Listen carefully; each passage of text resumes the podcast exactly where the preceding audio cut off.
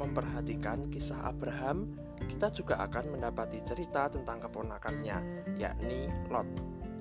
Sebelum peristiwa Tuhan memusnahkan Sodom dan Gomora, ada kesepakatan menarik antara Abraham dengan keponakannya ini. Abraham dan seluruh kaum keluarga serta orang-orang yang bekerja padanya hidup berpindah-pindah atau nomaden. Mereka tinggal berkemah dari satu tempat ke tempat yang lain, utamanya untuk mencari daerah yang subur agar dapat menggembalakan ternak-ternaknya.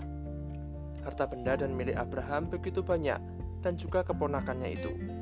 Kejadian 13 ayat 5 sampai 9. Juga Lot yang ikut bersama-sama dengan Abram mempunyai domba dan lembu dan kemah. Tetapi negeri itu tidak cukup luas bagi mereka untuk diam bersama-sama sebab harta milik mereka amat banyak, sehingga mereka tidak dapat diam bersama-sama. Karena itu terjadilah perkelahian antara para gembala Abram dan para gembala Lot. Waktu itu orang Kanaan dan orang Feris diam di negeri itu.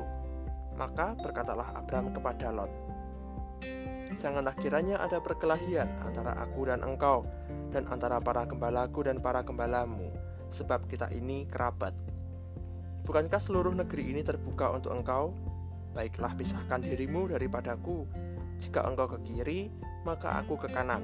Jika engkau ke kanan, maka aku ke kiri. Rupanya, banyaknya ternak itu suatu kali membuat para gembala Abraham dan Lot bertengkar. Oleh karena itu, solusi dari Abraham agar tidak ada perselisihan adalah menawarkan kepada keponakannya mau menetap di mana untuk mengembalakan ternaknya. Lot memilih di lembah sungai Yordan dekat kota Sodom. Banyaknya harta milik manusia bukanlah karena kemampuan dan kekuatan manusia, bukan karena kehebatan manusia, tetapi itu adalah berkat dari Tuhan, pemberian Tuhan. Banyaknya berkat ini memerlukan kebijaksanaan dalam mengelolanya. Hal ini termasuk di dalamnya ketika memerlukan sumber daya yang banyak, Tentu saja jangan sampai ada perselisihan dengan orang lain. Hal yang sangat menyedihkan bila manusia berebut sumber daya atau berebut materi, terlebih dengan saling mengklaim dan saling menuntut. Oleh karena itu, kerukunan yang sungguh tulus jauh lebih berharga dibandingkan dengan materi atau harta milik. Itulah juga salah satu pelajaran yang kita peroleh dari Abraham dan Lot. Dalam hidup kita, hendaknya hanya ungkapan syukur kepada Tuhan saja yang kita jaga. Dengan ungkapan syukur, kita dijauhkan dari sikap tamak dan memelihara kerendahan hati.